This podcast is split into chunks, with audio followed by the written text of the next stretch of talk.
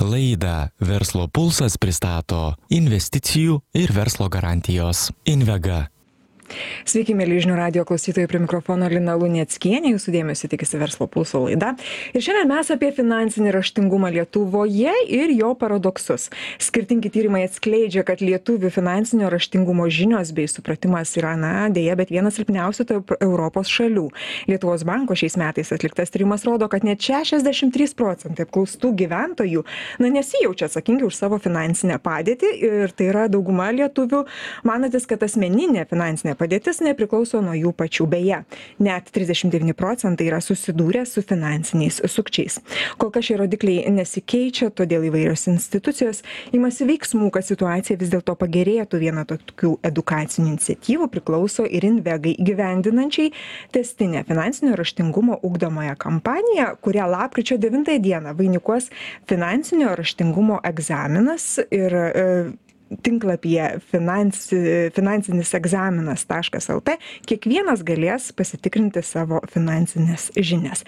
Apie tai mes šiandien malonu pristatyti laidos pašnekoves. Eivilė čipkutė lietuvos bankų asociacijos vadovė su mumis šiandien nuotoliu. Sveiki gerbiama eivile Sveiki. Ir Jurgita Brazauskaitė Insienė, Invegos marketingo projekto vadovė. Sveiki, gerbiamoje Jurgita. Sveiki tai gal eivile pradėkime nuo jūsų bendra situacija mūsų finansinio raštingumo tikrai ne kartą kalbėjome ir ir ir netgi abi abi kartu kalbėjomės apie tą finansinį raštingumą kokia situacija šiandien kas keičiasi gal keičiasi gal gal mes čia be reikalo keliam bangas gal visai čia nieko mes su tuo finansiniu raštingumu na mūsų atliekami tyrimai kol kas e, nerodo kad situacija keistųsi ir mes pradėjom prieš keletą metų daryti statistiškai patikimą lietuvos gyventojų tyrimą nes na visų pirma reikia duomenų kad galima būtų ir politinius sprendimus e, daryti informuotus. Tai padarėm tą tyrimą jau tris kartus ir e, matavom finansinį raštingumą visuomenės ir šiuo metu rodiklis yra keturiasdešim penki iš šimto.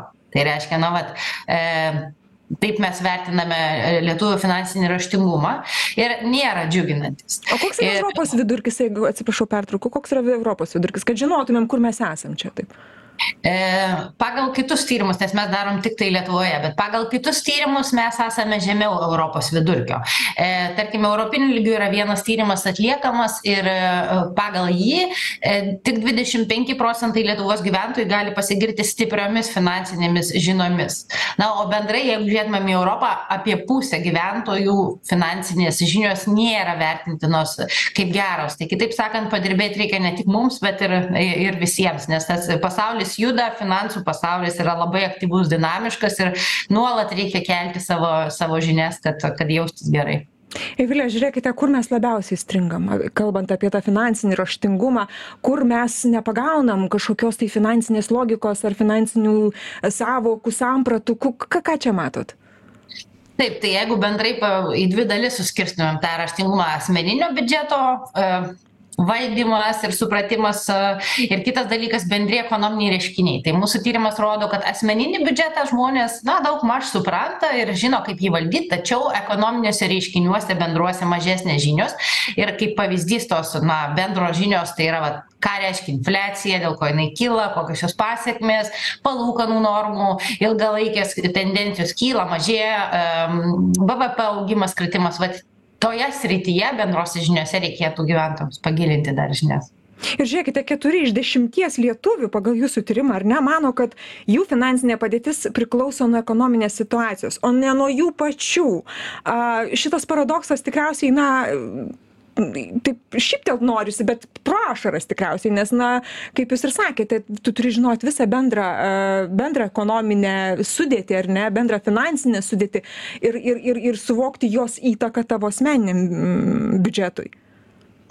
Taip bet turbūt yra tame tiesos. Iš tikrųjų gyvenam ir ir kiekvienas ne izoliacijoje tai kad mus veikia ta aplinka yra tiesa tiktai tuomet kai žinau kaip jinai veikia tuomet aš galiu atitinkamai dėlioti savo sprendimus ir ieškot kaip čia apsisaugot. Pavyzdžiui jeigu žinau kad infliacija kils kaip aš turėčiau savo peržiūrėti išlaidas ir ir ir ir panašiai. Tai normalu bet e, jeigu žmogus yra informuotas ir žino kaip reaguoti tai jisai jausis saugiau. Ar dar matot kokių įdomesnių tendencijų kalbant apie asmeninį asmeninius finansus na čia tos pagrindinės tokios kryptys ir aišku dar svarbi dalis yra tas finansinis sukčiavimas kuris yra ryškiai išaugęs pastaraisiais metais dėl to kad daug gyvenimo persikėlė į skaitmeninę erdvę. Matom kad sukčiai labai aktyvūs ir vėlgi lietuva ne neišskirtinė. E, mūsų statistika rodo kad pernai metais iš gyventojų ir verslo lietuvoje buvo išviliota dvylika milijonų užpernai dešim milijonų eurų ir šiais metais per tris pirmus ketvirčius septynis su puse milijono. Tai na maždaug panaši tendencija išlieka ir mes dedam daug pastangų kad visuomenę informuoti e, e, ir na ką matome kad e, tas informuotumas gyventojų yra padidėjęs nes pavyksta nemažai lėšų atgauti tai yra sustabdyti kai sukčiai bando jas pavogti. Ir tai yra todėl kad na visų pirma aišku bankai deda daug pastangų ir technologinių kad sustabdytų sukčiavimą. Ir kitas dalykas žmonės kai jau jaučia kad kažkas jau negerai įvyko jie skubiai kreipiasi į savo banką ir vat kai greitai žmogus kreipiasi pavyksta tuos pinigėlius sustabdyt. Tai būtent tas atgavimo procentas aukštas ir rodo kad žmonės na jau supranta kad kad kad reikia atidžiai žiūrėti įvairius pasiūlymus mokėti. Eivilė prakalbot apie finansinius sukčius trisdešim devyni procentai yra susidūrę su finansiniais sukčiais tikrai nemenkas tas procentas yra apskritai įdomu kaip koreliuoja finansinio raštingumo lygis aukštas žemas su šituo procentu. Ar tikrai jeigu aukštas finansinio raštingumo lygis į sukčių pinkles nepatenkama ir atvirkščiai. Kaip kaip jūs matot kaip europoj yra? E, tikrai koreliacija yra teigiama. E, tas 39 procentai, aš manau, realybė yra daugiau. E, mhm. mes tiesiog to ne visada identifikuom, kad čia bando sukčiai prie mūsų prisibelsti, nes visi esam gavę keistų esame žinučių, elektroninių laiškų, gal mes jų tiesiog nedadam į tą e, krūvelę sukčių, bet iš tikrųjų tai yra sukčiai. Tai yra, na, jų aktyvumas yra neįtikėtinas. E, tai va, tai e, vienintelis dalykas, ką galim daryti, tai būti informuoti ir, na, ir vis nuolat domėtis taip nau naujomis sukčiavimo formomis nes na jie yra e, e, tikrai išradingi ir pas na sakykim pas mus ta kokios e, dominuojančios tai yra es fišingas vadinamas vat būtent sms žinutės ir elektroniniai laiškai suklastoti ir taip pat investicinis sukčiavimas kai kreipiasi į jus siūlo ypatingas sąlygas sako nu va čia tik jums specialiai ta prasme neskatina domėtis ką tai reiškia tas pasiūlymas kas paslaugos teikėjas. Na kitose šalyse pavyzdžiui tose kur yra daugiau daugiau rusakalbių tai ten didesnis yra telefoninis sukčiavimas. Pas mus rusakalbių yra šiek tiek mažiau. Na ir nes sukčiai iš tikrųjų yra ne lietuviai daugiausia. Tai yra tokios na jau praktiškai kaip ir tarptautinės na struktūros kurios atakuoja įvairių šalių gyventojus. Ir va čia vienas iš indikatorių kad tas tekstas kurį siunčia ar žinute ar elektroniniu laišku jisai paprastai nėra idealiai lietuviškai parašytas. Tai yra išverstas kompiuteriu. Tai čia vienas iš momentų į ką reikėtų atkreipt dėmesį. Kokius dar patarimus galėtumėte pasakyti mūsų klausytojams kad su su su suklustų įsi įsivertintų ir galbūt kiltų įtarimas kad čia galbūt yra finansinio sukčiavimo atvejis jie naudoja tą vadinamą socialinę inžineriją kai bando nustebinti teigiamai arba neigiamai pavyzdžiui išgąsdinti jums atėjo bauda ar ar jums reikia greitai sumokėt mokesčius arba a jūs gavote dovanų. Tai reiškias taip at emociniu būdu bando žmones užkabinti ir na su suaktyvinti kuo greičiau imtis priemonių tai yra suvedinėt savo kodą. Tai va tai tas tai visų pirma pagalvot. Jeigu kažkas tai sako kad kažkur reikia jungti savo duomenis suvedinėt pagalvot ir na jeigu kyla klausimų tai geriau susisiekti tam paslaugos teikėjui ar jeigu pavyzdžiui apsimeta mokesčių inspekcija būna ir policija apsimeta susisiekti ir paklaust ar tikrai ta situacija yra. Tai žodžiu taip neskubėti prisijunginėti prie savo banko paskyros ir, ir, ir pervedinėti lėšų. Na, tai čia... mes tikrai apie sukčiavimą kalbam tikrai daug, viešoje erdvėje tikrai daug ir patys bankai daro e, visai, visai neblogą darbą, informuodami, praneždami. Ar gerėja? Ar nors kiek gerėja? Aš suprantu, tie 39 procentai ir plus dar tie, kas, kas, kas neužfiksuota, yra, yra daug, bet gal vis tiek kažkoks progresas vyksta šioje vietoje. Gal žmonės atidesni, gudresni, labiau įsigilina į situaciją. Taip tai vat mes tą gerėjimą matome dalyje lėšų kurias pavyksta pagauti ir grąžinti nes kas reiškia kad žmonės na labai greit sureaguoja į tą situaciją mhm. Pavyzdžiui, tai vad gerėja tas informuotumas. Tai, kad sukčiai e, ir toliau kesinsis lėšas e, e, pavokti, tai nu, turbūt t- tą, nu, ne, tą sunku bus sustabdyti, tai ką galim daryti, tai didinti visuomenės informatumą, kad visi būtų apsisaugoję. Ir didinant tą finansinį žinių lygį ar ne informatumą kaip jūs vadinate. Gal įvardinkim ir naudą kokią gauna tiek valstybė tiek pats žmogus. Na pats žmogus aišku apsaugo savo finansus ar ne bet bet imkim plačiau.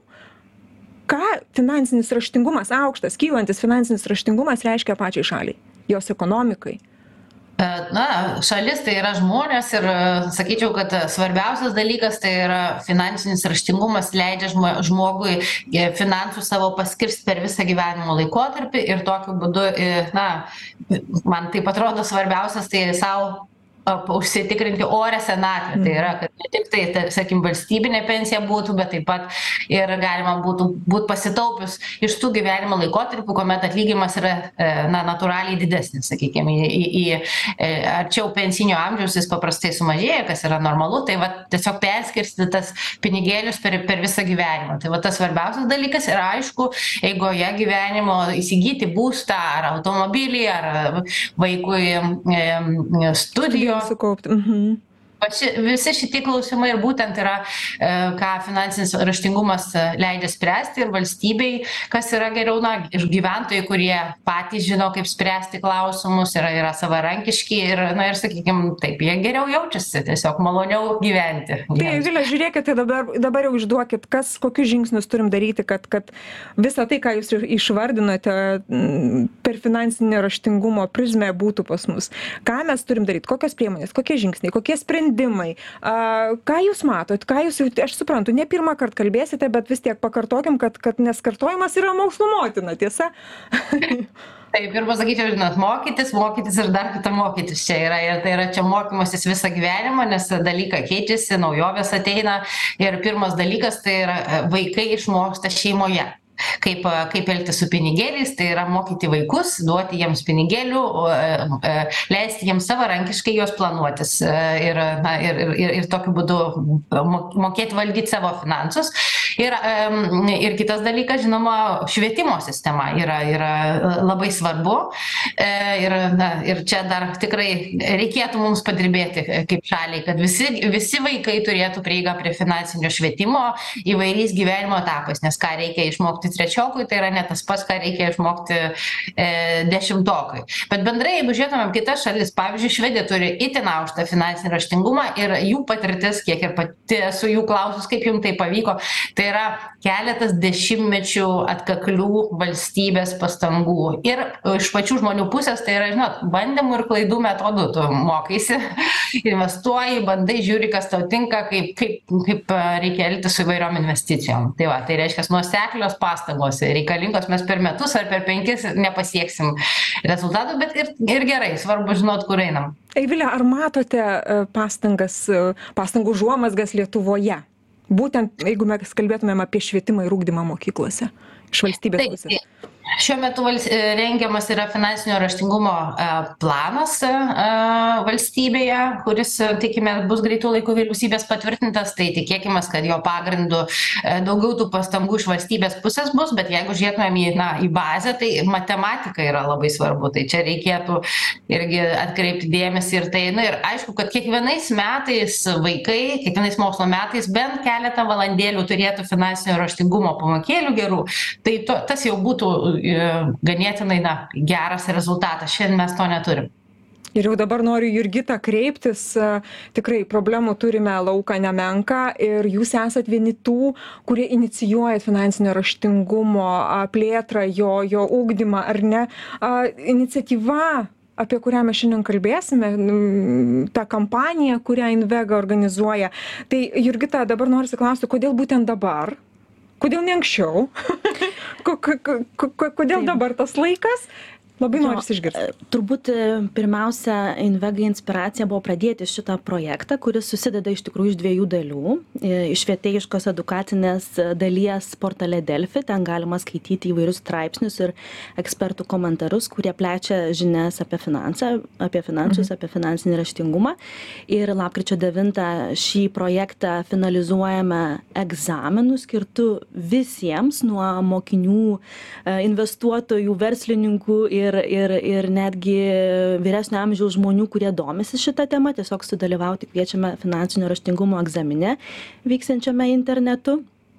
A tai ši iniciatyva mus paska mus paskatino ją daryti finansų ministerijos kaip minėtas ir eivilės veiksmų planas finansiniam raštingumui gerinti tai viena iš viena iš paskatų ir ten mes dalyvaujame didžiulėj darbo grupėj kur diskutuojam ir sprendžiame kaip turėtų atrodyti visa strategija ką mums daryti su kokiom tikslinėm auditorijom dirbti ir kokius kokias priemones rinktis E, šitai, šitai sričiai gerinti. Ir antroji turbūt priežastis būtų tai, kad Invega, kuri dirba su verslu iš esmės, o nuo šių metų ir taip pat žemės ūkio įmonėm ir viešuoju sektoriumi, e, mes manom, kad finansinis raštingumas yra labai svarbus ir neatsiejamas nuo verslumo ūkdymo.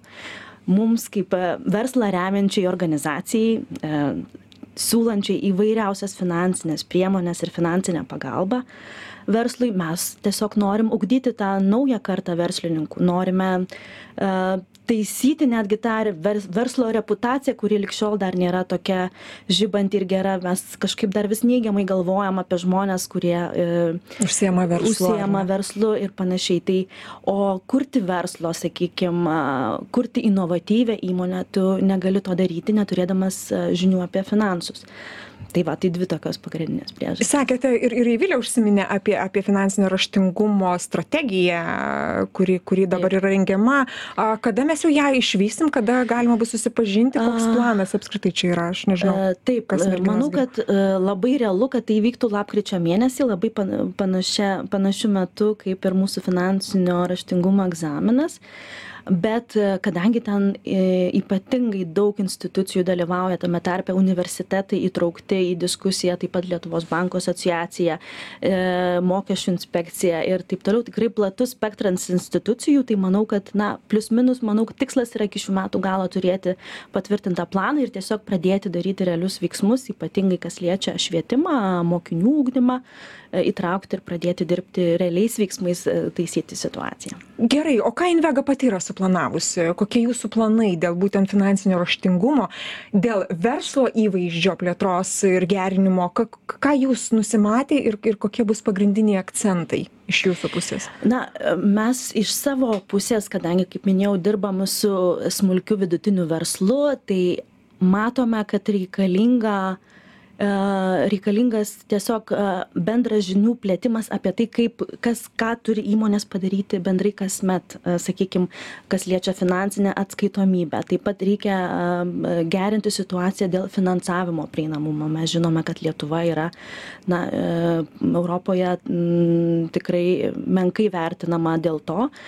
Tai pirmiausia, tai bus turbūt bus visos informacijos ir visų priemonių kurios prieinamos verslui susisteminimas ir e, kartu su kitomis institucijomis tame tarpe kaip lietuvos bankas ar inovacijų agentūra kurie irgi turi tam tikrą patirtį įžvalgas bandyti susisteminti tą informaciją ir paversti ją suprantamesne e, visuomenei tai artimiausių metų planas ir būtų tai pateikti patrauklia aiškia forma. a, internetu ir kitom visom priemonėm. Kitų, kita iniciatyva ir ką mes tikrai norėtume tęsti šį, šį finansinio raštingumo egzaminą ir kitais metais ir plėsdami savo partnerius, šiais metais beje prisijungia Lietuvos banko asociacija, specialių tyrimų tarnyba, kurie irgi turi tam tikrų išvalgų ir tyrimų pinigų plovimo prevencijos e, politikoje ir Lietuvos e, Junior Achievement e, mhm. asociacija, kuri dirba su jaunimu. Tai mes labai norėtume plėsti partnerių tinklą ir šitą egzaminą padaryti tokį, na tikrai nacionalinį, prilykstantį po truputį konstitucijos egzaminui ir, ir kad tai taptų tikrai tradicija mums kasmet pagalvoti ir, ir išplėsti tas žinias šitoje srityje. Eivile, dar noriu pabaigai e, mūsų, mūsų laidos, noriu klausti, ką užsiminė Jurgita apie būtent verslo įvaizdį, verslo įvaizdį ir, ir finansinio raštingumo santykis. E, ką, kaip Jūs matot, ar tikrai verslininkai, kurie e, privalomas tas finansinis raštingumas, aukšto lygio finansinis raštingumas tiems, kurie nori verslauti, kurie nori užsimti verslu, ką Jūs vat, jaunam žmogui pasakytumėt, kuris turi svajonę tapti verslininku? Tikrai taip tas yra labai svarbu ir na elementariai iliustruosiu registrų centre kiekviena įmonė privalo savo finansinę atskaitomybę pateikti. E, ir ta jų analizė tų atskaitomybių kurios dabar yra rodo kad kokybė nėra gana aukšta. Kas reiškia jeigu įmonė ateina į kredito įstaigą su prastos kokybės finansine atskaitomybe jai gali būt sunku gauti finansavimą ir ne tik į kredito įstaigą bet taip pat ir pas invegą būtent jeigu ta finansinė atskaitomybė būtų aukštos kokybės tai netgi galima būtų skaitmenizuoti patį finansavimą kas palengvintų priei prieigą prie prie finansų ypač mažoms įmonėms. Tai va čia tas elementarus pavyzdys kaip įmonės finansus gražiai na teisingai ir ir ir tai ir tvarkingai pateikti. Tas jau na tiesiog išspręstų didžiąją dalį turbūt finansavimosi problemų ir dar ką jurgita užsiminė apie prieinamumą kreditavimo finansavimo. A kaip čia matot kokias tendencijas ar ar ar tas vertinimas menks toliau ar vis dėlto mes turėsime platesnį ir geresnį prieinamumą finansavimo tai vat čia vėl kaip pavyzdys registrų centro duomenys rodo kad dvidešim šeši procentai lietuvos įmonių a turi a nulinį arba neigiamą nuosavą kapitalą. Tokia yra finansinių ataskaitų analizė. Dabar kokia reali situacija ir kodėl tas nulis ten atsirado sunku pasakyt bet gali būti tai yra finansinio na ne itin kokybiškos finansinės atskaitomybės rezultatas. Bet tai reiškia dvidešim šeši procentai įmonių negali prieiti prie finansavimo. Ir jeigu mes sugebėtumėm jas ištraukti į į pliusą nuosavo kapitalo tai jos visos galėtų prieiti prie vadinasi turim kelti finansinį raštingumą. Jurgita jums dar kartelį akcentuokime apie egzaminą. Sąlygos labai trumpai adresas ir ar visą dieną ten bus galima pildyt labai trumpai nes mes jau baigiam. Tai visus kviečiam dalyvauti ir pasitikrinti žinias. Jokių jokio specialaus pasiruošimo nereikia. Lapkričio devintą dieną užsiregistravę www finansų egzaminas taškas lt galite pasitikrinti žinias ir laimėti dovanų. Temos bus įvairios nuo investavimo taupymo sukčiavimo iki ekonomikos reiškinių žinomų asmenybių. Tai kviečiam visus tai yra žaidimas toks žaidimo forma iniciatyva kur nėra jokio amžiaus apribojimo. Ir tikimės kad kad tai bus visiems paskata daugiau skirti dėmesio šiai temai ir plėsti savo žinias. Tiktai lapkričio devintą vieną dieną jūs užeinat nuo ryto iki vakaro bet kada prisijungus egzaminas truks maždaug iki šešiasdešim dešimties minučių bus dvidešim penki klausimai tai vat ir iš karto rezultatą finansinį rezultatai bus skelbiami keleto dienų bėgyje nes reikės susisteminti kadangi tai internetu vykstantis dalykas ir toj pačioj toj pačioj svetainėje taip? Taip ką gi noriu dėkoti jums abiem už pokalbį. Žinių radijo klausytojams primint kad šiandien laidoje verslo pulsas su mumis buvo eivilė čipkutė lietuvos bankų asociacijos vadovė ir jurgita brazauskaitė incėnė invegos marketingo projektų vadovė. Laidą vedžiau aš lina luneckienė jūs ir toliau likit su žinių radiju. Gražių jums dienų. Laidą Verslo pulsas pristato investicijų ir verslo garantijos. Invega